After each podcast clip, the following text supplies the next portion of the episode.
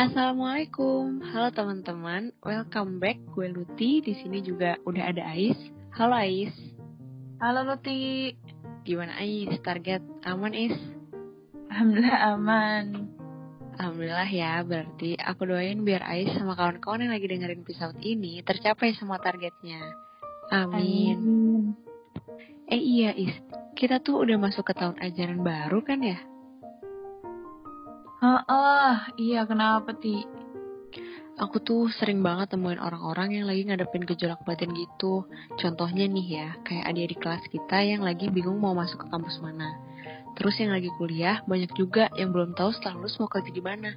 Sedangkan yang udah kerja, malah banyak juga yang galau-galau. Terutama persoalan finansial. Apalagi lagi masa pandemi kayak gini kan, banyak PHK lah, WFH-nya nggak stabil lah, gaji dipotong lah, banyak deh. Nah, yang mau aku tanyain ke Ais, menurut kamu gimana sih? Biar masalah-masalah itu tetap bisa mereka lewatin tanpa harus ngancurin kondisi rohani mereka. Kan lagi bulan Ramadan nih, pahala lagi dilipat gandakan. Sayang aja gitu, gara-gara ada masalah ini, jadi nggak bisa manfaatin Ramadan kali ini. Iya Ti, masalah yang kayak gitu emang butuh banget ya yang namanya charger diri, termasuk kondisi rohani yang makin gak karuan.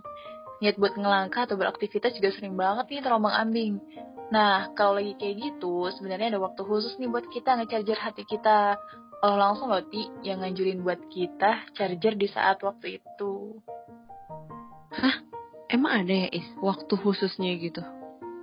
Ada Ti, di Quran, firman Allah dalam surat Al-Muzammil ayat 6 yang bunyinya Bismillahirrahmanirrahim Inna nasyi'atal laini hiya syaddu wa wa aqwa mukila yang artinya sungguh bangun malam itu lebih kuat mengisi jiwa dan bacaan pada waktu itu lebih berkesan. Pas banget kan ayatnya? Hmm, ih iya ya. Allah ternyata udah nganjurin kita buat bangun malam loh ya. Emang malam-malam tuh sebenarnya paling pas sih buat diskusi sama diri sendiri soal apa yang bakal kita lakuin selanjutnya. Aku sendiri nih ya, kalau lagi doa atau bikin planning, terus ngebandingin nih, bikinnya pas siang sama pas malam, lebih mantep tuh pas malam. Kayak beda aja gitu rasanya. Nah, gitu tuh maksud aku. Tapi masih banyak juga nih yang bom waktu malam yang sangat dianjurin banget ini jadi suatu hal yang sia-sia. Padahal ngecas di malam hari ini ngaruh banget sama power baterai kita sama amalan di siang hari. Pokoknya udah kayak baterai HP deh. Ya malam kita lupa ngecas full, padahal hari itu kegiatan banyak banget. Jadi banyak schedule yang gak maksimal juga. Hmm, hmm, hmm, iya paham aku.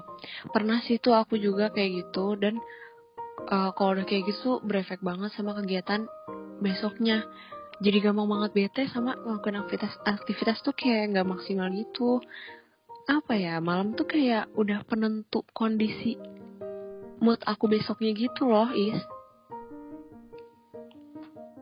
Wah, sama banget. Padahal, ganjaran orang-orang yang mengerjakan kebaikan itu dapat surga aden. Gini firmannya. Dalam surat Toha ayat 75 yang artinya, tetapi Barang siapa datang kepadanya dalam keadaan beriman dan telah mengerjakan kebajikan, maka mereka itulah orang yang memperoleh derajat yang tinggi atau mulia. Nah, di ayat ke-76 juga dilanjutin, yaitu surga-surga Aden yang mengalir di bawahnya sungai-sungai. Mereka kekal di dalamnya. Itulah balasan bagi orang yang mensucikan diri. Hmm, mm, mm, mm, ngerti-ngerti kalau sehari-hari kita diisi sama amalan-amalan kebaikan, zikir, dan sebagainya, itu dijamin surga Aden.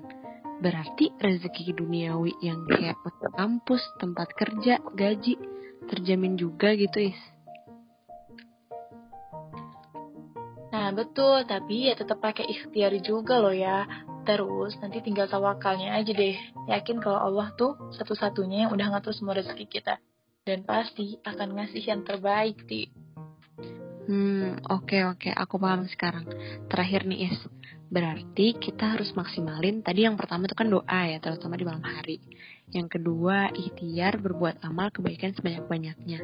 Sama yang terakhir, tawakal. Jadi kita harus yakin apa yang udah kita maksimalin bisa jadi wasilah rezeki terbaik buat kita. Gitu ya Is ya? Nah, Mumtaz. Oke deh, thanks banget loh Is udah luangin waktunya. Iya, sama-sama. Thank you juga Luti. Iya, dan makasih juga buat temen-temen yang udah dengerin podcast kita hari ini. Uh, sekian dari gue dan Ais. Wassalamualaikum. Waalaikumsalam.